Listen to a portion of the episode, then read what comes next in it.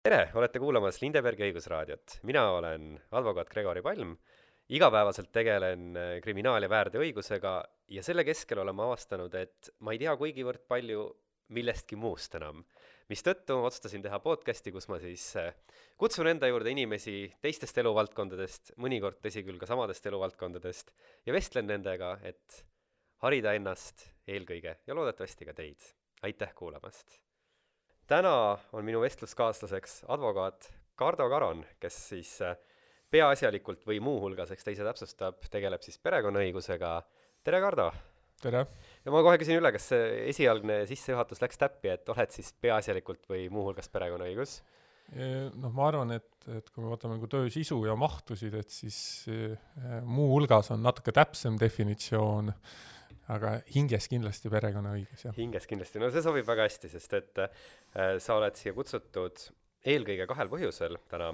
ja üks on see, et ähm, ähm, ma nüüd vaatasin seda, et siin sellel aastal jõustus, eks ole, see mm, seadusemuudatus. ja uus elatise regulatsioon tuli. uus elatise regulatsioon, täpselt, mis on nagu, tekitas minus selle küsimuse, ma ütlen kohe nagu ära, et mina perekonnaõigusest eriti midagi ei tea, aga ma vaatasin täna oma elektriarvet, see oli kohutavalt suur, ma olen kuulnud, et elukallidus nagu pidevalt suureneb, meie äh, ja selle kõige taustal elatist hoopis langetatakse et, et ähm, ma ei ole ise nagu isa, mul ei ole, ei ole kuidagi elatisega kokkupuudet, aga mulle tundub, et lapse kasvatamine ei ole vahepeal odavamaks läinud. et äh, mis põhjusel siis, kas oskad sellele niimoodi vastata?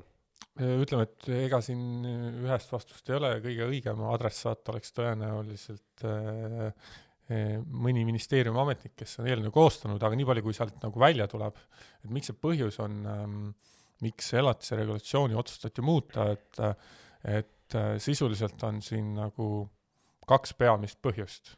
et üks põhjus on justkui see, et ähm, aina rohkem ja rohkem on, äh, on kasvav nende inimeste äh, nii-öelda vanemate hulk, kes justkui ei suuda oma lapsele elatist maksta, ehk, muutuvad mm -hmm. elatisvõlgnikeks, ja teine võib-olla see nii-öelda selline nagu natukene faktidel või natukene sügavamal analüüsil põhinev muutuse alus oli see, et äh, et juba pikemat aega räägiti, et äh, see täna, kuni, kuni selle, eelmise aasta lõpuni kehtinud regulatsioon ei vastanud tegelikult tegelikele kuludele. ehk siis põhimõtteline loogika oli see, et et kuni, kuni selle aasta alguseni elatise suurus oli, miinimumelatise suurus üldiselt oli miinimumpalgast pool mm. -hmm. ja, ja siis leiti, et see süsteem on selles mõttes täna ajale jalgu jäänud, et et miinimumpalk kasvab äh, ütleme siis nii-öelda elatise tähenduses oodatult suuremas tempos.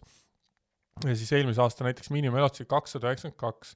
Ja siis leiti, et kui sa nüüd, seda tuleks korrutada kahega, ehk siis viissada kaheksakümmend neli, ehk siis eeldati, et ühe lapse puhul miinimumkulu ühes kuus on viissada kaheksakümmend neli eurot, aga mm -hmm. kuna ministeeriumil tekkis kahtlus, et äkki see summa ikka nii suur ei ole, siis nad tellisid mingisuguse suure uuringu, kus siis selgus, et et ütleme, keskmiselt lapsele kulub üks kolmandiku võrra vähem kui see viissada kaheksakümmend neli. Ja see mhm. justkui tingis selle, et, et tegelikult elatised on põhjendamatult suured, oleks põhjust seda vähendada ehk viia aja, nii-öelda ajakohastada seda, et et elatise suurus maksa-, vastab reaalsetele kuludele, pluss siis äh, boonusena äkki väheneb elatisvõlgnike arv, et see on see nagu filosoofiline mõte seal taga, mis, mida, miks eelkõige muudeti, muudeti ka teatud nüansse, millest me jõuame täna rääkida, aga see on peamine mhm. põhjus okei okay,, okei okay., et siis sisuliselt ikkagi asi taandub nagu selle peale, et et justkui kõik see aeg on nagu laste eest liiga palju makstud, vähemalt vana regulatsiooni järgi, kas ma saan nagu õigesti aru? Äh, ideeliselt selles mõttes küll saaks justkui nii öelda, et, et ma nagu kahe käega nagu isiklikult sellele alla ei kirjuta, aga nii-öelda see uuring ja analüüs nagu näitas, et need nii-öelda miinimumkulud mm, olid väiksemad, ehk siis lapsele ei kulunud, keskmisele lapsele ei kulunud iga kuu viissada kaheksakümmend neli eurot, varasemalt muidugi natuke vähem, sest see sõltus miinimumpalgast mm,, yeah. paar aastat tagasi oli see väiksem, see oli niimoodi regulatsioonis tehtud, aga see häda oli nagu, see peamine põhjus oli tõenäoliselt see, et kui see, kui see regulatsioon sellisel kujul vastu võeti siin niisugune kümme aastat tagasi umbes, et siis äh, oli see loogika, et, et siis miinimumpalk oli nii palju väiksem, et see mõte tundus nagu loogiline, et elukallidus kõik kasvab ja ja, ja tol hetkel tõenäoliselt sealt miinimumpalgast välja tulnud elatis vastas paremini mm, reaalsetele kuludele, aga ütleme siis niimoodi, et see skaala justkui näitab, et inimeste palgad kasvasid rohkem kui kulud lapsele. vähemalt äh, teoorias on äh,, oli see mõttekäik seal äh, niimoodi, et, et okei okay,, okei okay. Jaa, ma, mul tekkis kohe nagu hunnik küsimusi, aga nagu sa ise ka ütlesid, et kuna sina selle eelnõu väljatöötaja muidugi ei olnud, eks ole, sinul on lihtsalt seda, nüüd neid, seda asja kohtus menetleda, siis äh, ma võib-olla ei peedista nagu nende, nende nüanssidega, aga kas ma saan aru, et sisuliselt noh, siin hästi suur aplaava sellega oli vahepeal, et ainuke oluline muutus oligi see, et pumm, tõmbame numbri väiksemaks ja asi korras või oli seal nagu midagi siis sügavamat taga või noh, muutusi oli justkui, kui, kui, kui, kui rohkem mm, eelnõu enda koostaja justkui sõnastab seda, et toodi juurde teatud äh, lisaargumente, mis annab kohtunikule, kes kohtus siis otsustab lõpuks selle elatise suuruse, võimaluse arvestada rohkemate argumentidega iga kaasuse korral ja siis iga kaasuse põhjal nagu adekvaatsemalt anda see, määrata kindlaks see õige mm, elatis, pluss justkui, et nüüd tekkis võimalus määrata lihtsamini kindlaks, et millistel juhtudel on ka põhjendatud elatist äh, alla miinimummäära nagu nii-öelda välja mõista, et varasemalt see justkui oli põ-, miinimum oli justkui püha lehm, et väga erandjuhtudel sai mm, seda vähendada, minu kui praktiku hinnangul ma ütleksin, et, et need muudatused, mis nüüd osaliselt nagu seadusesse toodi, on tegelikult midagi sellist, mida kohtupraktikas eh, nii-öelda julgemad kohtunikud on juba varasemalt tegelikult mõned aastad vähemalt eh, rakendanud, et kui tuua siia nagu näiteid, et mm, hästi palju juba viimastel aastatel on räägitud äh, mastaabisäästust laste puhul mm, -hmm. stiilis, et äh, kui on nagu kaks last äh, väikese vanusevahega, et siis justkui teise lapse kasvatamine natukene odavam, kuna sa saad äh, talle näiteks samu riideid anda või mingid, mingid kulud on nii-öelda mõnevõrra väiksemad. seda vist eeldusel, et nende äh, laste vanused on võrreldavad, jah, jah, äh, nüüd see justkui toodi siis seadusesse ka sisse, et sellega tõesti arvestatakse, minu hinnangul äh, no selles mõttes muidugi hea näide, et on arvestatud nüüd natukene küsitavalt äh,, nimelt on seal öeldud, kui ma õigesti mäletan, et vanusevahe võis olla kuni, kuni kolm aastat. et äh, kui laste vanusevahe on kuni kolm aastat äh,, et siis mastaabisäästu arvestatakse mm -hmm. ja seejuures soost olenemata, ehk siis kui esimene on poiss ja teine on tüdruk, siis läheb kleit selga või vastupidi, lähevad dressid selga eh,, aga seda põhjendatakse osalt nagu sellega, et et see ei väljenda ainult riietes, et teatud muud asjad on ka, mis on äh, nagu justkui hoi-, hoitakse kokku ja mis see mastaabisääst siis tähendab, see tähendab seda, et äh, kui leitakse äh, teoorias vähemalt on nad nii välja mõelnud, et kui määratakse kindlaks, et esimese lapse elatis on summa X mm, -hmm. siis selle sama nii-öelda teise lapsele, kes on näiteks aasta noorem, et tema elatis on viisteist protsenti äh, väiksem äh, sellest elatisest ja siis äh, põhimõtteliselt ka, kui oleks ka kolmas laps, kes mahuks sinna nii-öelda tingimuse sisse, et ta on omakorda sellest teisest näiteks kaks aastat mm, -hmm. siis siis temal on samuti viisteist, aga viisteist sellest 15 esimesest, mitte nii, et juba kolmas laps oleks kolmkümmend protsenti. Okay. ehk see ei ole nagu nii astmeliselt, et lihtsalt see, et see on nagu üks näide, aga on ka asju, mis on nagu muutunud minu hinnangul keerulisemaks, mis puudutab seda, et kui meil ennem oli baaselatis ehk miinimumelatis, mis oli seotud miinimumpalgaga, pool sellest, siis nüüd on meil on justkui elatise baassumma, eh, mis selles mõttes ei ole baassumma, et see hakkab iga aasta muutuma ja, ja ma nägin jaa, et nad vist on isegi mingi kalkulaatori välja andnud selleks, et seda matemaatikat kuidagi natukenegi kergemaks teha. aga ma korra tulen selle mastaabisäästu juurde, et, et noh, sina kui inimene, kes siis nagu praktikas neid asju menetled, et kui palju keegi peaks seda või noh, vähemalt ühte poolt esindad, et kui palju peaks keegi elatist saama ähm,, mis asjad need mastaabisäästu alla saavad minna, noh ma eeldan, et kui sul tütar käib ühes trennis, poeg käib teises, siis sellest pole mitte mingit tolku, et noh, sa ei kuidagi rehkenda välja, et nüüd on kuidagi teine trenn odavam selle võrra. kas peale riiete nagu, mis seal siis veel üldse on? selles mõttes äh, sa valisid nagu väga, väga õige teema, et üks koht, kus justkui eeldatakse või nagu argumenteeritakse, et see mastaabisääst on ja seda olenemata ka mm, nii-öelda lapse soost on, on näiteks olukord, just nimelt spordiga seotud tegevused, et, et näiteks spordivahend et kui mõlemad lapsed tegelevad äh, mingisuguse sama spordialaga ja nende No vanuse siis vahe on väike, et siis näiteks sama spordivahend äh, riiete puhul äh, just see, et sugu ei ole määrav, on seesamane asi, et et justkui spordiriietus on midagi sellist ehk a la stressid, et et teoorias, et ei pea olema sinine ja roosa, et, et Hmm. eelnõu koostaja võtab, et needsamad lapsed võivad käia samad, selles mõttes, et vanem laps käib nende dressidega ära, talle jäävad väikseks, siis hakkab noorem käima nende samade dressidega. Et, et, et põhimõtteliselt äh, on see nagu seotud nagu selliste asjadega, siis osaliselt on see seotud äh, kindlasti niisugune igapäevahügieen, igapäevatoimetustega, et sama vannivett nüüd ei pea kasutama, aga justkui, et äh, kui ostad šampooni, siis osta lihtsalt jah, rohkem ostad, ostad suurema ja Mm. lihtsalt arvestada mingi siukse asjaga ja teatud mastaabisääst tuleb ka toidult samamoodi. et sa ostad justkui okay. suurema või sa teed korraga rohkem äh, äh, nii-öelda valmis, aga sul on mingid kulud nagu selle võrra, et sa teed nagu korraga rohkem või ostad suurema paki makarone piltlikult öeldes, sest mm. -hmm. juba on vaja, sa hoiad tegelikult kokku, kui sa ostaksid kak-, kaks väiksemat pakki, sellepärast, noh, ühesõnaga see nagu mõttemaailm seal taga on selline. mm. -hmm.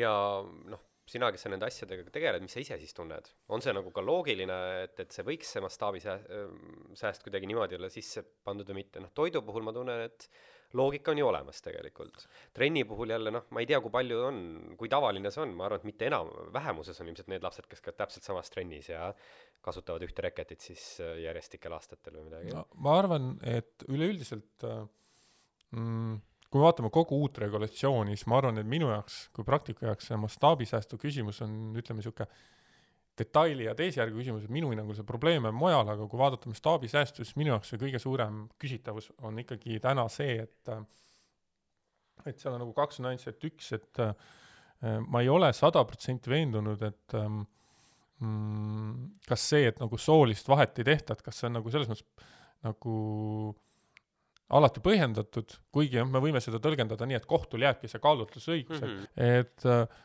va-, et nii-öelda, et va-, see sooline tingimus äh, nagu kas on määrav või mitte, et et kohus saab seda otsustada eh, justkui öeldes, et noh, et kui on tüdruk ja poiss, et poiss ei pea neid äh, kleite kandma, et järelikult mastaabisäästu antud kaasuses ei ole, aga, aga lihtsalt, et kui ta on sellisel kujul nagu seadusesse pandud, et siis mul tekib see küsimus, et et ähm, kas seda võetakse justkui nagu vaikivat tingimust, et kui on äh, mitu last, nende vanusevahe on justkui õige, ehk siis kriteeriumid on täidetud Mm -hmm. ja siis äh, sellele järgnevalt äh, tuleks keelduda, et mastaabisääst on kohe automaatne ja kui mastaabisäästu justkui ei taheta, et siis peab hakkama tõendama, et ei, et siin ei ole mastaabisäästu või, või on siin rohkem nagu sisulist kaalutlusõigust ikkagi ka mõlemas suunas ja ei ole vaikivat eeldust, et igal juhul on mastaabisääst, et kuidas see nagu praktikas hakkab ellu viima, et see on minu jaoks natukene küsimus. no see tundub mulle ka selles mõttes küsitav, et et, et noh, kuidas sa saad kohtunikuna põhjendada, et et üheksakümnel viiel protsendil juhust sa teed lastele nagu ühe potškaga toitu, eks ole, sul tulebki nagu toidu järgi, ostad ühe šampooni, sul on mõistlikum, ja nüüd see üks kaasus, kus laste vanused on justkui õiged, et seal ilmtingimata peab olema nagu midagi muud. noh, muidugi neid erandeid saab tulla, eks ole, mingid allergiad, mis iganes, aga mulle tundub, et see vist pigem kipub sinna reegli poole minema, kui et see on nüüd mingi hull paindlik süsteem. kas mulle tundub õigesti või? ma kipun, ma kipun natukene sama arvama, aga ma iseenesest nagu sellisel juhul tekitab küsimust, et, et mis on selle tingimuse suur väärtus, kui üks muudatuse põhieesmärk oli ka see, et anda kohtule rohkem kaalutlusõigust ja vabadust määrata elatise suurust. no kusjuures tulemegi selle juurde, et äh, kui sa sellest kõigest nagu rääkisid, siis mulle tundub, et kohtul oli see paindlikkus ja vabadus nagu enne ka olemas, et ainuke, ainuke kriteerium oli see, et sul oli püha lehm oli see miinimum, eks ole, ja ainuke asi, mida see regulatsioon teeb, on vähendab miinimumi. miks peaks see uus miinimum olema vähem püha lehm kui vana miinimum, ma tegelikult nagu ei näe väga seda. no see põhiline argumentatsioon, mis nagu juurde tuli, kui öelda, et kui me jätame korraks see kõrvale, et et äh, millal alla miinimumi, et on, on see mänguruum, et näiteks aastaid arutleti selle üle kohati, et et äh, kui pere saab või vanem saab nii-öelda lapsetoetust, et kuidas siis seda arvestada. ja nüüd on nagu justkui vaikivalt seadusesse kirjutatud, et, et lapsetoetus läheb nagu elatisest maha. stiilis hmm. ühe lapse puhul lapsetoetus on kuuskümmend eurot kuus, kummagi vanema osa eest justkui kolmkümmend, see tähendab seda, et, et elatisest, mis siis kindlaks justkui määratakse, öeldakse, et lapse kulud on ne-, see summa X mm, -hmm. jagatakse kahega, elatis on järelikult see, siis sellest summast lahutatakse kolmkümmend eurot lapsetoetust näiteks. varem vaieldi või oldi nagu seisukohal, et, et kuna seaduses seda kirjas ei ole, et siis selliste asjadega ei arvestata mm. -hmm. Ehm, üks teine asi, mida ma võib-olla enne, kui siin nagu miinimumini läheks, mis nagu oluliselt muutus, et, et minu jaoks on natuke nagu küsitav see, et muudeti osaliselt sellepärast, et öeldi, et elatise summa on liiga suur mm, -hmm. ehk ei vasta tegelikele kuludele, tegelikud kulud on väiksemad ja mm -hmm. trend on pigem selline, et mida aasta-aastalt edasi, seda nagu suurem lõhe sinna tekib, ehk siis elatis on suurem kui tegelik kulu, kuna miinimumpalk väga palju kasvab. aga nüüd uuest aastast, ehk siis sellest aastast on see regulatsioon selline, et, et see uus baas, mis justkui seaduses kirjas on mm -hmm. muidu oli kakssada üheksakümmend kaks, kui me võtame nii, siis justkui uus baas on kakssada, aga sisuline eh, eh, elatise suurus, miinimum, ütleme siis, nüüd loeme seda selliseks baasmiinimumiks, on kakssada kolmteist. ehk siis kuidas see kakssada kolmteist tuleb, kohe selgitan, aga et siis tähendab seda, et kakssada üheksakümmend kaks ja kakssada kolmteist, et siis nagu mhm. seitsekümmend üheksa e-, eurot nagu erinevust ühe lapse kohta, jah? ühe lapse kohta, kui on see üks laps, kui oleks juba teine laps, siis sellest kaks, see kakssada kolmteist oleks täna see summa, kust tuleks see viisteist eurot mastaabisäästu, juhul kui see kohaldub mm. -hmm. ehk siis sealt tuleks siis äh, mingisugune kolmkümmend euri maha võtta. aga, aga sisuline loogika seal täna on see, et öeldakse, et aastal kaks tuhat kakskümmend kaks on baaselatise summa kakssada eurot mm. -hmm. ja see on siis see, mis hakkab iga aasta muutuma. see muutub iga aasta aprillis äh, ja see muutub niimoodi, et esimesel aprillil elatise baassumma muutub, sest see korrutatakse läbi tarbijahinnaindeksi muutusega, mis oli eelmise aasta perioodi eest siis, ehk siis esimene aprill kaks tuhat kakskümmend üks kuni kolmkümmend üks märts kaks tuhat kakskümmend kaks, see mhm. tarbijahinnaindeksi tõus, mis see põhimõtteliselt näitab, et palju see elukallidus on nagu suurenenud, see korrutatakse seal äh,, tehakse mingi tehe ja siis see nii-öelda see summa tõuseb äh,. näiteks selle samuse äh, mm,. Ja si-, siis saab sellest nii-öelda see uus, uus baassumma. see eh, ja, ja iga aasta seda nii-öelda korrigeeritakse, see tõuseb ja, ja, ja siis sellele teisele asjale, sellele samusele baassummale, mis see aasta on kakssada, aga mis iga aasta tõuseb, sellele lisatakse veel üks komponent juurde. ja see komponent on, eh, mis nüüd on natuke minu jaoks segadust tekitav, et, et selle uue sõnastuse regulatsiooni järgi on see reeglina kolm protsenti eelneva kalendriaasta Eesti keskmisest brutokuupalgast. ehk siis sellel aastal nüüd esimesest jaanuarist sellele kakssada, mis on see aasta baas mm, -hmm. järgmine aasta ta on natuke kõrgem, lisatakse juurde kolm protsenti eelmise aasta Eesti keskmisest brutokuupalgast ja kolm protsenti eelmise aasta keskmisest brutopalgast on nelikümmend kolm eurot me jõuame siis, suhteliselt sellesama vana et, me, et sellele ma tahangi jõuda, et me justkui jõuame juba sellele üsna samale summale lähemale alguses. nii eh,, siis oleks juba kaks, kakssada nelikümmend kolm ja kuidas sealt see kolmteist tuleb, tulekski sealt see kolmkümmend maha arvutada, mis on see ühe lapse toetus. Mm, -hmm. ja saakski kaks-kolm, aga mis selle asja nagu eriti e, huvitavaks minu jaoks teeb, on see, et aga seaduses öeldakse ka niimoodi, et reegel on see, et keskmiselt e, Eesti keskmisest brutokuupalgast, aga kohus võib otsustada ka, et see kolm protsenti mitte ei võeta keskmisest brutopalgast, vaid kohustatud vanema keskmisest sissetulekust mm. -hmm. kas see nüüd äh,, arvestades, et elatuse nagu vähendamise alused on pigem üsna sarnased, siis mulle tundub, et see on mõeldud pigem sedapidi, et äh, et need vanemad, kes justkui mis iganes põhjusel, kas siis, kellel on nii-öelda sissetulek oluliselt kõrgem mm, -hmm. et kui keegi teenib kaks Eesti keskmist või kolm Eesti keskmist, et siis sellele vanemal pannakse juurde kolm protsenti tema palgast, et siis seal jääb nii-öelda justkui see mentaliteet kehtima, et kui vanemad on jõukamad, et siis eelduslikult lapsele kulub ka rohkem. no see, selles mõttes küll, aga nüüd selgita mulle korra, ma ütlen, selles mõttes on see podcast minu jaoks igati hea, et äh, siin äh, stuudios õpin seda, mida võib-olla muidu võiks seadusest lugeda, aga kuidas see vanasti töötas? et vanasti ju ometi ka võeti arvesse seda, et äh, rikkamatel, jõukamad vanemad peavadki rohkem elatist maksma vanasti seda sellisel kujul ei võetud, vanasti oli nagu, reegel oli selline, mm, et äh, sa võid minna äh, mitte midagi sisuliselt tegemata küsima miinimumelatist oma lapsele lahus elavalt vanemalt, mis oli siis eelmisel aastal kakssada üheksakümmend kaks, vastavalt pool miinimumpalgast iga aasta, ja kui sa soovisid rohkem kui kakssada üheksakümmend kaks, mm, -hmm. siis sa pidid tõendama, et lapse kulud on reaalselt ütleme kolm, siis, siis kuussada, seitsesada, kaheksasada, tahtsid neid viitesadat eurot küsida mm -hmm. lahus elavalt vanema pealt, siis äh, pidid tõendama, et lapse reaalsed kulud on tuhat eurot ja, ja selle eelduseks on siis see, et, äh, et sa pidid mingite arvetega seda ära näitama ja reeglina see rakenduski pigem jõukamate inimeste puhul, kelle kooselu ajal, ma ei tea, laps käis eralasteaias või, või kuskil mm -hmm. lapsehoius, käis golfitrennis, käis sellistes kohtades, ja nüüd, kui vanemad justkui lahku lähevad, siis asjaolu, et vanemad lähevad lahku, siis öelda, noh, öeldi, et kui vanemad lahkumineku tõttu nüüd on endiselt võimalused, võimelised lapsele golfitrenni võimaldama sisuliselt, siis tuleb seda ka võimaldada ja vastavalt sellele tuleb siis ka elatist nii-öelda justkui eh, rohkem maksta mm,. ja, ja vanasti see põhimõte üldse nii oli ainuke see nagu, see nagu nõrk koht oli see, et, et aga mis saab olukorras, kui eh, vanemad lähevad lahku ja vanemate jõukuse vahe oli hästi suur. ja kui mm -hmm. nüüd see lahus elav vanem oli oluliselt jõukam, et, et siis tekkis see mm, nii-öelda ameerikalik küsimus, et kui nüüd eh, lapsega koos elav vanem üksinda ei suuda enam sellele lapsele sellist eh, elatustaset pakkuda, et kas ta peaks, kas siis see teine lahus elav vanem peaks nüüd oluliselt näiteks rohkem maksma, mitte viiskümmend, viiskümmend, mis on justkui see loogika, et ega, ega sellele vastust ei saanudki, aga üldine seaduse loogika oli, et ei. täna mm -hmm. uue seaduse järgi on, nüüd on lisatud nüanss, et et elatise proportsioon ei pea olema viiskümmend, viiskümmend vanemate suhtes, ehk teatud erandjuhtudel võib kohus öelda, et ei, et sina lahuselavana vanemana maksad elatist seitsekümmend protsenti kogu lapse kuludest, see on rohkem mõeldudki sellise olukorra jaoks näiteks, kui kus üks vanem nii-öelda jäi kasvatama last ja, ja teine ja, läheb ära, jah? jah, ja kui näiteks see olukord, et see kasvatav laps, lapsevanem jääb ootamatult haigeks ja ta sissetulekud vähenevad, näiteks saab poole kohaga tööl käia mm, -hmm. siis on põhjendatud, et nüüd see teine vanem siis kompenseerib seda osa, mitte nagu üldiselt lapse nagu elatustasa ei vähendata.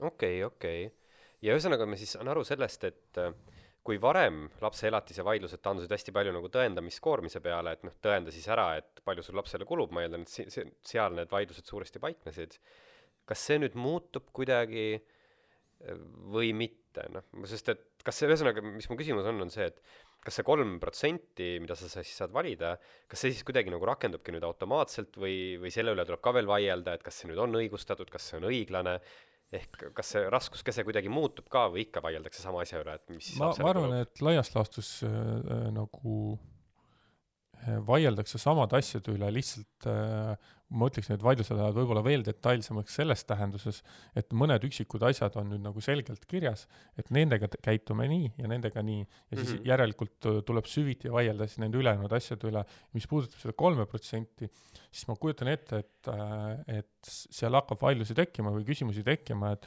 mis on need asjaolud, millal me lähtume kolm, kolm protsenti on igal juhul, siin ei ole küsimust, lihtsalt mm -hmm. küsimus on see, et kas kolm protsenti Eesti keskmisest äh, brutopalgast või see kohustatud vanema keskmisest. väga äh, suur nagu, vahe. ja mis võib olla teatud juhtudel väga suur erinevus, et ma arvan, et seal vaidlemiskohti on ja ma arvan, et äh, kindlasti on äh, vanemaid, kes hakkavad seal argumenteerima, et näete, et lahus elav vanem on väga jõukas, tema puhul tuleb võtta seda, seda arvesse, et lapsele saaks seda, ja kindlasti hakkab tulema seal vastupidiseid olukordi, kus see kohustatud ehk lahus elav vanem hakkab argumenteerima, et vaadake, et aga mina ametlikult äh, saan miinimumpalka üldse, et ma ei saa seda keskmise järgi, seda kolme protsenti, et see on minu jaoks liig, et äkki minu puhul tuleks, tuleks vähendada, kuigi, kuigi nii-öelda vähendamisalused eriti seaduses ei muutunud, ehk siis mina ütleksin, et sellest nagu vaikides sellega arvestada ei saa, sedapidi nagu seda kolme protsenti tõlgendada ei saa, aga mis ei tähenda seda, et seda ei hakataks argumenteerima, ma kujutan ette. noh, ma mõtlengi selles, et noh, mu küsimus oli seda, et kui mina nüüd peaksin olema kohtus, esindama seda, seda inimest, kes parasjagu, kellelt elatist nõutakse, noh, mis, mina esitaks ikkagi selle argumendi, et et vaata, vana süsteemi järgi oli väga hea, sa näitad ära, palju sul lapsele kulub ja see sulle välja mõistetakse, noh, kui see on kõrgemal, kui seal miinimum mm, -hmm. eks ole. ja miks ma peaksin nüüd äh, nii-öelda teist, teisele vanemale tekitama mingi alusetu rikastumise olukorra, kus ma maksan talle tegelikult rohkem, kui tal lapsele vaja läheb, lihtsalt sellepärast, et mul noh, on võimekus seda maksta. et need argumendid ju on ikka relevantsed praeguselgi juhul kohtus ja need taanduvad täpselt sellesse äh, keskmine versus sinu konkreetne palk küsimusse. jah, ma, et selles mõttes ma olen sinuga nõus, et see on minu jaoks üks, äh, see kolme protsendi nagu tingimus on minu jaoks üks niisugune mm, segadust tekitav just selles tähenduses jah, et et millal ta siis äh, rakendub äh, mittereeglina, ehk siis nii-öelda kohustatud vanema äh, sisulisest brutopalgast ja ma mm -hmm. kujutan ette, et et äh, justkui sellega on mõeldud mingis mõttes seda head, ehk siis et lapsel säiliks ähm, selline elatustase, nagu ta on harjunud elama senikaua, kui olid vanemad koos või nii-öelda see elatise maksmine toimis ja nii-öelda vaidlusi ei olnud. Aga sisuliselt äh, tekib nagu minu, minu meelest nagu neid hindamis, sisulisi hindamiskriteeriumeid, täiendavaid, ei ole, mille järgi saaks hinnata, et et selle vanema puhul me nüüd rakendame tema palgast, selle puhul mitte, ja ma arvan, et siis see taandub täna ikkagi jälle sellele vanale klassikale vaidlusele, et kõigepealt elatisnõudev pool, kelleks sisuliselt on ju tegelikult laps oma siis koos elava mm -hmm. vanema nii-öelda läbi tema, et ta peab ära tõendama need kulud, ütlema, et näed, kõik kulud ongi kokku kahe peale tuhat eurot, ma nõuangi sinult ikkagi viitesadat. ja siis teine pool äh, saab äh, näiteks äh, vaielda vastu, öeldes, et need kulud ei ole nii suured, kui ta sellele vastu ei suuda vaielda, siis see kolme protsendi reegel annab kohtule justkui minu hinnangul mhm. lisaõlekõrre öelda, et, et noh, et aga ma saan seaduse järgi ka öelda, et kui te lapsele ennem andsite kahe peale tuhat eurot elatist, järelikult teie võimekus on üle keskmise, järelikult siin tasuks vanema puhul kohaldada seda vanema keskmisest palgast kolme protsenti näiteks. ja siis ta kohaldabki seda nii-öelda erandit ja, ja sellest tulenevalt määrab siis näiteks suurema elatise mm. -hmm. ja kuidas sa nagu ise, mis su nagu kõhutunne ütleb, et ma saan aru, et noh, see on nii uus seadus, sellega ilmselt kohtupraktikat noh, polegi hetkel, eks ole, jaanuari alguses siin kas nüüd need kohtuvaidlustes midagi siis tegelikult fundamentaalselt muutub ka? kas see kolm protsenti on siis nagu mingi maagiline õlekõrs või on mingi teoreetiline õlekõrs, mille sa praegu konstrueerisid? ma arvan, et tegelikult on üks teema, mida me ei ole täna puudutanud veel, mis hakkab kõige rohkem tegelikult elatisi mõjutama. ma arvan, et kui, kui, kas sa tahad jõuda selle küsimuseni, et mis saab nendest, kellel juba on midagi välja mõistetud ja kes neid võiksid vähendada seda? ei, see on niisugune lühiajaline okay., et selle võib konkreetselt kokku võtta, aga nimelt on see, et ähm, mm, elatis äh, see suurus hakkab sõltuma sellest, kui palju on laps ühe või teise vanema juures, mis tähendab seda, et elatis ja suhtluskord astuvad üksteisele sammu lähemale hmm,. okei okay ja mis probleemi mina seal nagu näen, seal ma näen nagu mitmeid probleeme, et äh, enne kui sa veel probleemini jõuad, räägi korra lühidalt üle, mis siis tegelikult see muutus on. et äh, oletame, et laps on siis kolmveerand ajast minu juures, minult nõutakse elatist, kuidas siis minu olukord on nüüd teistsugune võrreldes varasema ajaga?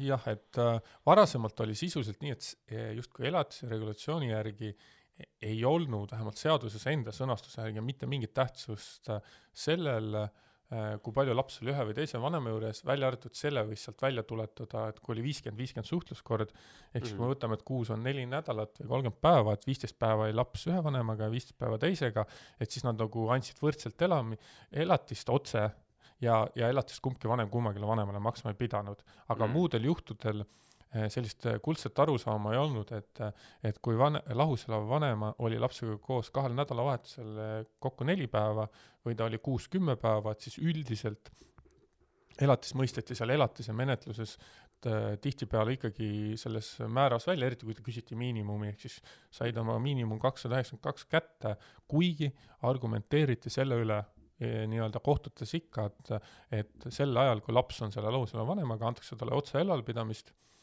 ja et sellel põhjusel on põhjendatud elatist vähendada, sellepärast et sellel ajal ju teisel vanemal kõiki neid kulusid ei ole, vähemalt mm -hmm. toidukulu näiteks ei ole, pesemiskulu ei ole, et, et mingid, mingid kulusid ta justkui hoiab kokku.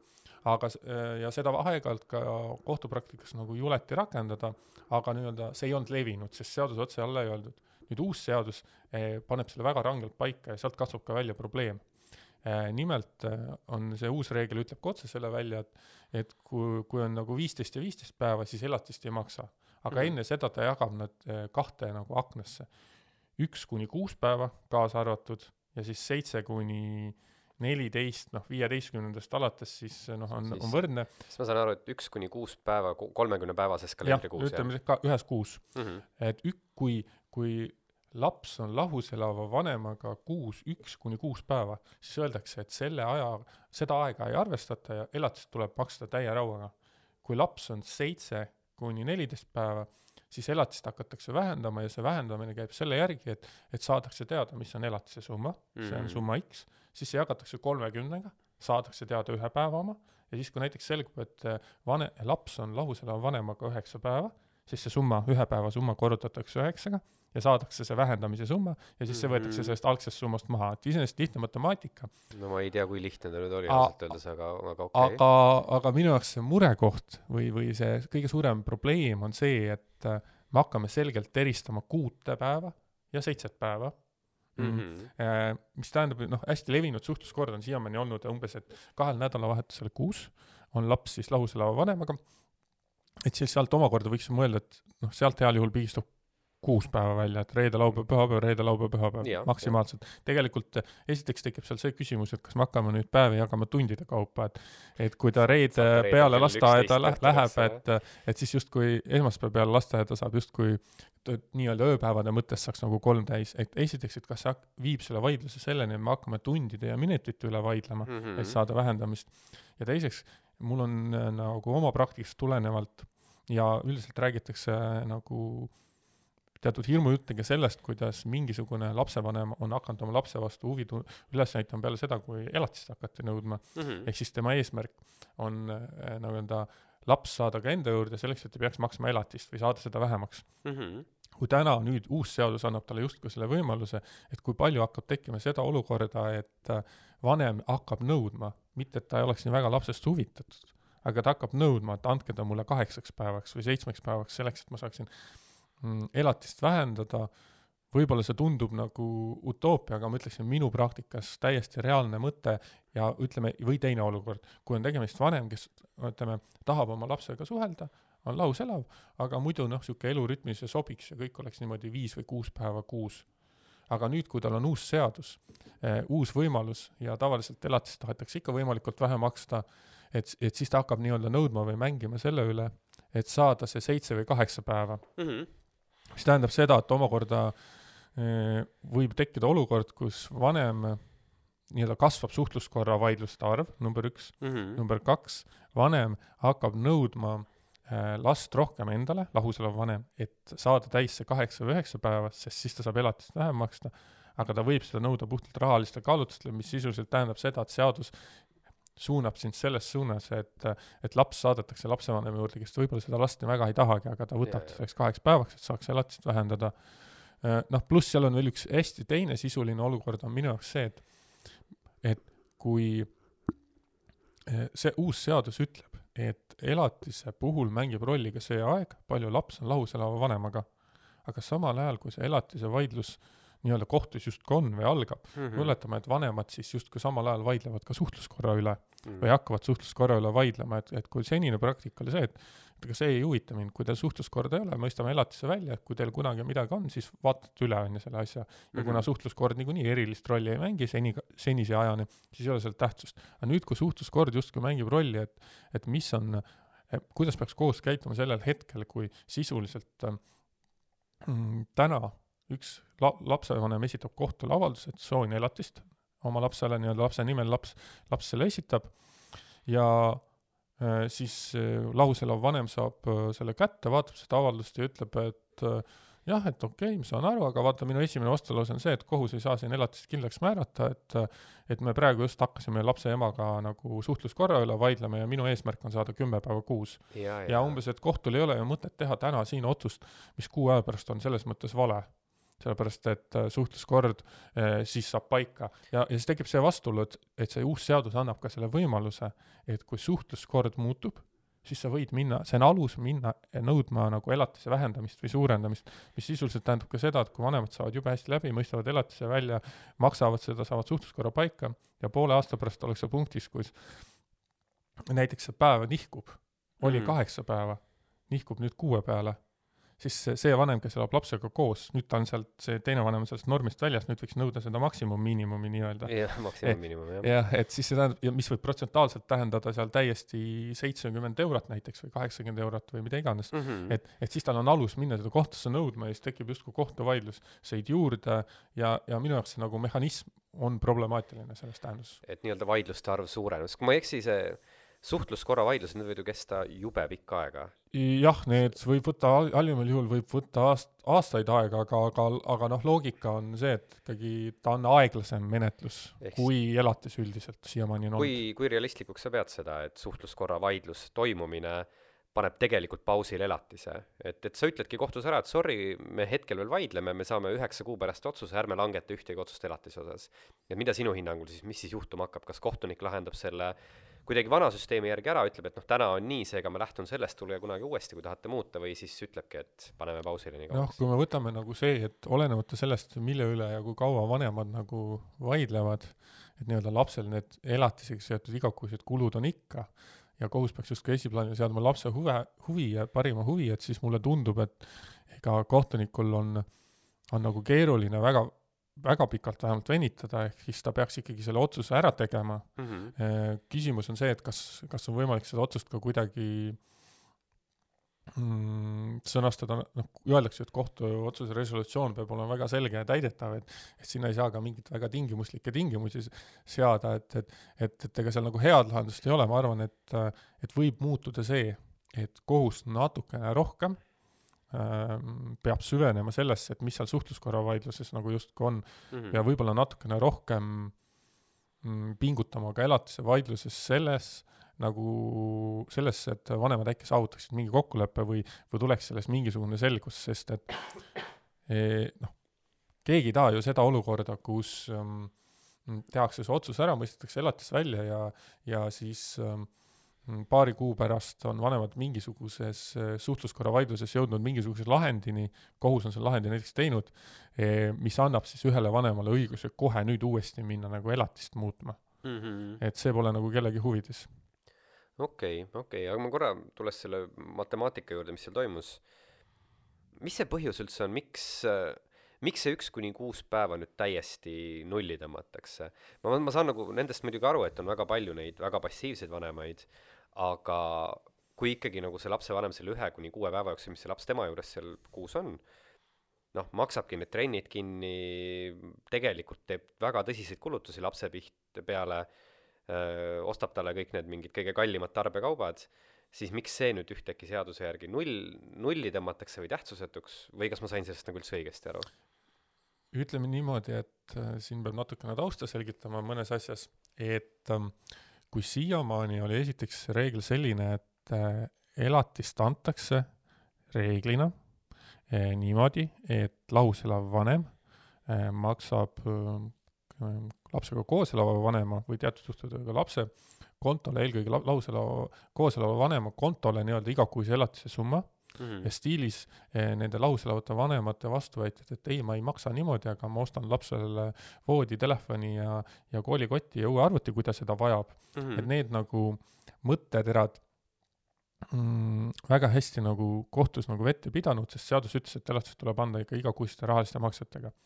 nüüd see uus regulatsioon natukene muutub selles osas grammi võrra leebemaks, et, et hakatakse vähemalt see arvestama ka seda, et mida igakuiselt äh, see vanem veel maksab Mhm. stiilis, et sinu näite puhul, mida sa küsimuses küsisid, et kui, kui see lahus elav vanem maksab näiteks trenniarveid üksinda, nii-öelda mm. maksab kogu trenniarve üksinda, siis seda arvestatakse ja siis on nagu komponent võiks olla see, et kui trenn maksab viiskümmend eurot kuus, et mõlema vanema osa oleks kakskümmend viis, et siis sellest elatise summast, mida see vanem ikkagi peab nagu ülekandena tegema mm. -hmm. sellest võetakse näiteks kakskümmend viis maha või nii, ja talle ei öelda umbes, et et ei, et see ei tähenda midagi, et sul on nüüd kaks varianti, et sa maksad kas miinimumelatist pluss trenni või sa lõpetad trenni maksimise ära ja maksad justkui miinimumelatist, et vara, varem oli see loogika nii. Mhm. nüüd seda nüüd arvestatakse. aga selle, see, mida see nagu päevade arv nagu tähendab või mida seal nagu mõeldakse, et äh, sisuliselt seal mõeldakse ikkagi ainult neid kulusid, mis on äh, vältimatud ja vajalikud, lapse toidukulud, lapse pesemiskulud ja, ja, ja kaudselt noh, see kulu ka, et kui laps on lahus elava vanema juures, et siis sel lühiajalisel perioodil justkui kodukulud ka kasvavad, sest laps, lapse elatise komponendid on ka näiteks kommunaalarve nii-öelda justkui mm. -hmm. välja arvatud lapse osad. et, et nagu need kõik need asjad, seejuures eh, kui vanem nagu otsustab, et aga mina oma selle viie päeva jooksul viin lapse, lapse ainult kallisse restorani sööma või ostan talle ainult firma riideid, siis see on selle vanema vaba valik. Jaa, mingid toreduslikud jah, need nii-öelda toreduslikud asjad, need arvesse ei lähe, aga kui nüüd küsida see kõige lihtsam küsimus justkui, mõttes sellele on lihtne vastata minu teada, et et miks see piir on seal seitsme juures, nii lihtsalt otsustati, et, et see tunne on kuskil seal, et sellel nagu suurt põhjust ei ole, lihtsalt leiti, et kuni selle piirini see sääst ei ole marginaalne ja nüüd me järsku leiame, et ta on marginaalne, kuigi ma saan sellest mõttest aru, et kaks versus kümme, et tõenäoliselt ongi suur vahe. aga just see, et kas kuus või seitse päeva, et see ühe päeva vahe tegelikult ei ole suur, kuskil tuli see piir tõmmata, no see piir tõmmati nii-öelda nii okei okay., jaa, ja no see on arusaadav muidugi, eks see on õigusega alati ju niimoodi, et me tõmbame, üritame suure võrguga püüa, püüda palju kalu ja eks mõned, mõned kalad lipsavad läbi ja mõned saame kätte. aga nagu kõike seda kokku võttes, ma veel selle ühe, ühe teemaplokini veel kohe jõuan ka, aga mis sa siis ise hindad kokkuvõtlikult selle kohta, mis me oleme rääkinud, kas nagu see regulatsioon üldiselt sinu hinnangul, puhtalt sinu individuaalse hinnangu järgi on pigem hea, pigem halb, kas sinu töö läheb pigem, tuleb seda tööd juurde või pigem just on sedavõrd tore regulatsioon, et kaob, läheb isegi vähemaks? mina isiklikult arvan, et äh, regulatsioon pigem, mis peamine sõnum oleks, et minu hinnangul ta läks keerulisemaks, ta läks kõigi jaoks tegelikult keerulisemaks. et siis sulle, sulle tuleb pigem tööd juurde, et on vaja inimesi, kes lahti mõtestavad äh,. kui öelda nagu, mõelda positiivselt, et ähm, sa siin saate alguses ütlesid, et, et on olemas see elatiskalkulaator ja ju-, Justiitsministeerium on tõesti sellist kalkulaatori teinud, tasub kõigil guugeldada, kellel vaja on, et see, tõenäoliselt see elatise kalkulaator, ta on selles mõttes hea, et kui sinna need andmed ära täita, neid andmeid ei ole palju, siis ta annab äh, tõenäoliselt üsna realistliku summa, ehk siis selle summa, mida suure tõenäosusega ka kohus välja mõistaks. selles mõttes on ta hea äh,. halb on ta selles tähenduses, et selles kalkulaatoris vähemalt täna ei ole nagu väga selgitavat infot või, või, või miks mingi summa nüüd kujuneb või kuidas see komponent nüüd arvesse võeti või näiteks sealt küsitakse mm -hmm. alati vaikides ka seda eh, lahus elava vanema mm, eh, nii-öelda sissetulekut. Ta automaatselt on seal koodis, programmis sees ju see Eesti Vabariigi keskmine bruto aga küsitakse alati ka vanema oma ja siis tekibki vanematel automaatselt ka see küsimus, et oodake, aga miks ta seda kogu aeg küsib, kui see on justkui nagu erandlik. et neid selgitusi ja täpsustusi võiks seal olla minu meelest rohkem, ehk siis mm -hmm. inimesed võib-olla et kui kaks vanemat nüüd kõrvuti seda, ütleme ideaalis ühe arvuti taga nüüd toksivad ja vaatavad, mis summa nüüd tulevad, et, et siis äkki vaidlusi on vähem. no teiseks kuldreegel on see, et kui ka perekonnaõiguses, et kui ikkagi omavahel kokkuleppele ei saa, tüli on juba nii suur või, või vastuolu või arusaamad on nii erinevad, et äh, juba advokaat või koht tuleb kaasata või kohtutee jalge alla võtta, noh, siis reeglina, ega siis see kalkulaator ju ei aita. ja kui me oleme juba selles punktis, siis mina ütleksin, et see tänane regulatsioon, uus regulatsioon annab nagu esiteks vaidlemispunkte rohkem juurde, pluss ta tekitab vähemalt täna minu jaoks isiklikult nagu äh, küsimärke või võimalikke ootamatusi juurde, kui et ta võtaks neid ära või oleks toonud mm. õigusselgust juurde. okei okay., et ühesõnaga nagu seda kõike kokku võttes, et kui sul on juba nagu süsteem viidud sedavõrd keeruliseks, et sul on reaalselt vaja kalkulaatorit, et seda kõike nagu lahti rehkendada, et siis ilmselt iga, iga individuaalse tehingu ja iga individuaalse eelduse puhul saab siin pikalt vaielda ja sedapidiselt on nagu siis ma saan aru, et sinu, sinu kui advokaadi seisukohast läks nagu olukord selles mõttes toredamaks, et tööd on rohkem, eks ole, aga võib-olla inimese jaoks siis äh, no ütleme nii, et äh, öeldakse, et, et ükski jurist ei oska matemaatikat. võimalik, et mina ka ei oska, aga mulle vähemalt meeldib matemaatika. no see on juba et, suur eeldus, jah. et, et sellest tulenevalt äh, olen, olen oma kindlasti nagu äh, rahul äh, aga ma pigem arvan jaa, et siin võib tekkida see probleem, et äh, vähemalt alguses igal juhul on neid vaidlusi eh, rohkem ja teiseks minu jaoks jääb õhku ka see küsimus, et ähm, et üks põhjus, minu hinnangul oli nagu justkui kaks põhjust, mina saan aru, miks see kõike muudeti.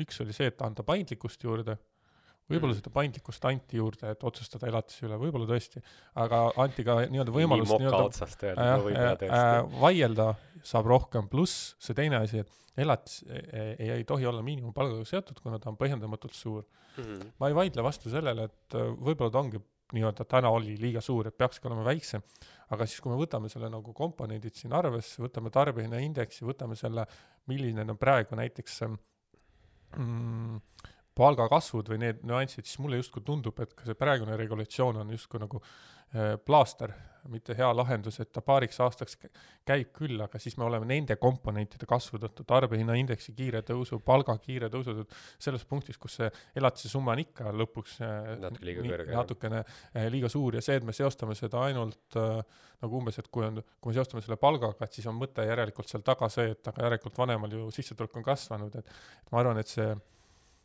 arvestades, et meil on just probleeme vanematega, kes elatist ei maksa erinevatel põhjustel, et siis nagu seda probleemi see ära ei lahenda mm. -hmm. et, et sellepärast äh, ma ikkagi arvan, et äh, jah, et äh, vaidlusi pigem, pigem tuleb juurde, kui, kui jääb vähemaks ja, ja noh, hea näide on ka nüüd ju see, et kui öeldakse, et lihtsalt tuua praegu nagu populaarne teema on, et kõik inimesed saavad oma suuri elektriarveid, Mm -hmm. et kui me teame, et elatise komponent on ka kodukulud, stiilis, et kui eh, üks vanem, kes elab lapsega koos, elavad kahekesi eh, nii-öelda oma kodus, kujutame ette, et nende aastatagune elektriarve oli nüüd viiskümmend eurot, siis Mhm. võiks öelda, et sellest kakskümmend viis eurot on lapse osa, mis jaguneb omakorda kahe vanema vahel, mis tähendab, et kaksteist viiskümmend peaks see lahus elav vanem nagu selle kinni maksma teo-, teoreetiliselt, see on lapse kulu Mm -hmm. aga kui nüüd elektriarve on kasvanud kolm korda näiteks, siis see tähendab ju seda,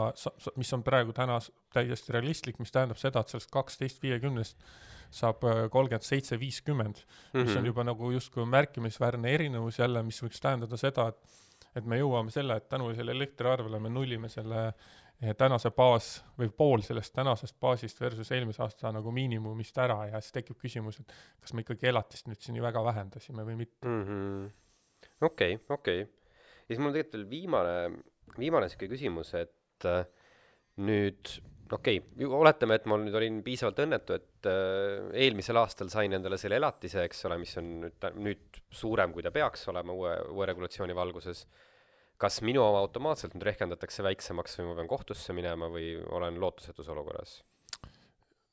Noh, väga asjakohane küsimus, et, et ütleme, et kogu, kogu elatise regulatsiooni nagu koostamise jooksul selle üle äh, vaieldi mm. -hmm. aga lõpuks lukku läks ja seadusesse jäi selline äh, lahendus, et ähm, kõik sellised väljamõistetud elatised mm,, seadus, selleks on nagu eraldi rakendussäte, mis ütleb, et ähm, kõik need elatised, mis on kohtus välja mõistetud Mhm. ähm, mm, k- nii-öelda selliselt, et pool sellest vabariigi miinimumpalgast Mhm. et need automaatselt nüüd külmutatakse kahesaja üheksakümne kahe peale, ehk siis nendele, nendel olukordades, kellel on see miinimum välja mõistetud, kes maksid oma lastele kakssada üheksakümmend kaks eurot eelmisel aastal, peavad ka sellel aastal maksma kakssada üheksakümmend kaks, kuigi teoreetiliselt on nad olukorras, kus neil võiks öelda, et neil on põhjendatud maksta kakssada kolmteist. Mhm. aga peavad nad maksma kakssada üheksakümmend kaks, kui nad sellega rahul ei ole, siis tuleb võtta tee kohtusse ette.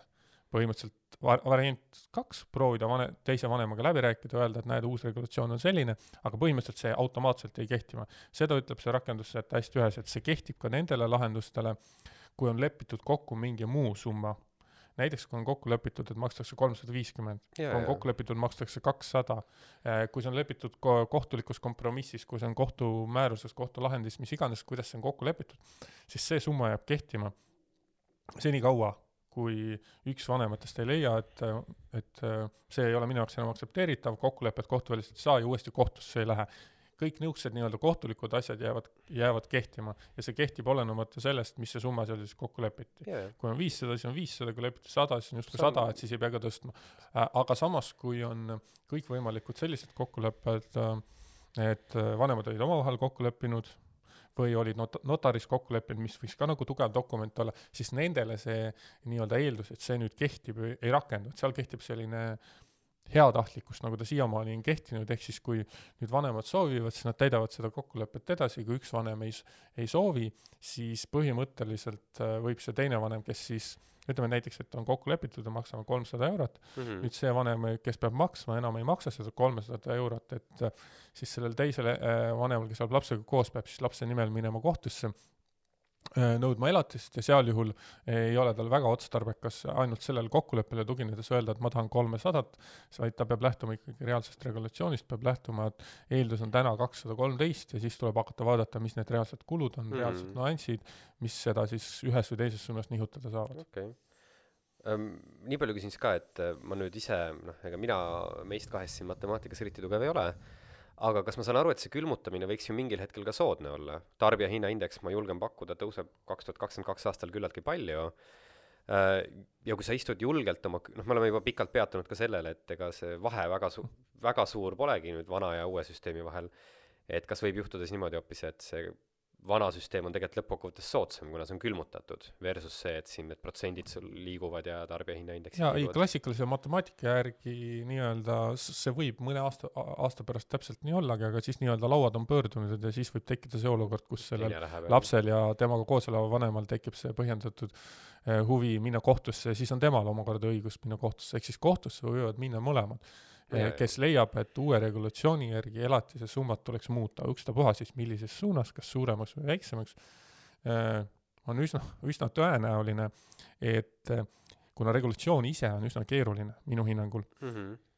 ja kui kalkulaatorist abi ei ole, ehk siis kalkulaatorist kuvatavat summat mõlemad vanemad ei usu ja täitma ei hakka, siis me oleme täna olukorras, kus tõenäoliselt vanemad suudavad oma peas mõelda ainult kahte numbrit, et üks neist on see kakssada üheksakümmend kaks ja teine on siis kas kakssada, kuna see on see baassumma, mis on seaduses ainukese numbrina kirjas, või siis kakssada kolmteist. ja kui sa Mhm. võtad niimoodi, siis ma arvan, et seal see seitsekümmend kuni üheksakümmend eurot vahet, et see on jällegi selline summa, mis äh, tekitab küll neid olukordi, kus soovitakse automaatselt nagu vähem maksta Mhm. ja kui siis kokkuleppele ei saada või öeldakse, et aga lapse kulud on ikkagi täpselt sama, vahet ei ole, mis seaduses nagu kirjas on, et esimesel jaanuaril lapse ülalpidamine nagu ei läinud sisuliselt ja odavamaks ei Jah. läinud. et, et selle koha pealt neid äh, vaidlusi vähemalt äh, esimene niisugune pool aastat või aastakene võiks ju olla küll mõnevõrra jälle rohkem. okei, okei.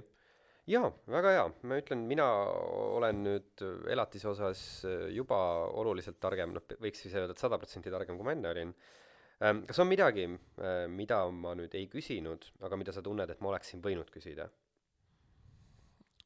noh, ma arvan, et ähm, me laias laastus ikkagi rääkisime nagu põhipostulaadid ähm, äh, rääkisime ära, et, et, et, et äh, võib-olla see kõige nagu, mis siin nagu, võib-olla oleks see, et võiks nagu mõelda sellele, et mis võiks sellest saatest nagu kõlama jääda mm. -hmm. et, et, et kindlasti see viimane teema, ehk siis kõik varasemad kohtuotsused eh, elatise osas jäävad kehtima ja kui, kui keegi vanematest leiab, et seal on vaja midagi muuta, siis seda tuleb teha kas läbirääkimiste teel või pöörduda kahjuks uuesti kohtusse. Seejuures märkusena olgu öeldud veel ka, et, et kui näiteks elatisnõue on kohtutäituri käes, siis kohtutäitur nõuab endiselt kahtesada üheksakümmend kahte või mis iganes summat, mis seal kirjas on, mitte no, ei vaata, et sead-, seadus on muutunud ja, ja et, et see, selles mõttes, et keegi seda ei muuda niisama mm. -hmm. et see jääb kehtima, see on esimene asi. teine asi, kindlasti külastage seda kalkulaatorit, arvutage läbi, mõelge läbi ja oluline mõte on ka võib-olla see, et äh, kuna neid tegureid, mis tegelikult äh, elatist mõjutavad, on palju-palju rohkem, siis see, et oma lapsele parim nagu tagada, siis ta-, tasub küsimuste puhul täna veelgi enam nagu mõne spetsialisti poole pöörduda, kes siis oskab nagu teile selgitada neid komponente, sellepärast et äh, äh, enam ei saa nagu lähtuda ühest äh, vaikivast eeldusest, et see on pool miinimumpalgast. okei okay,, väga hea ja rääkides siis spetsialistist, kelle poole pöörduda, olen täna siin nüüd äh, vestelnud Kardo Karoniga, juhtumisi ka spetsialist. aitäh, Kardo, et, et tulid! aitäh! ja te kuulasite Lindebergi õigusraadiot. mina olin Gregori Palm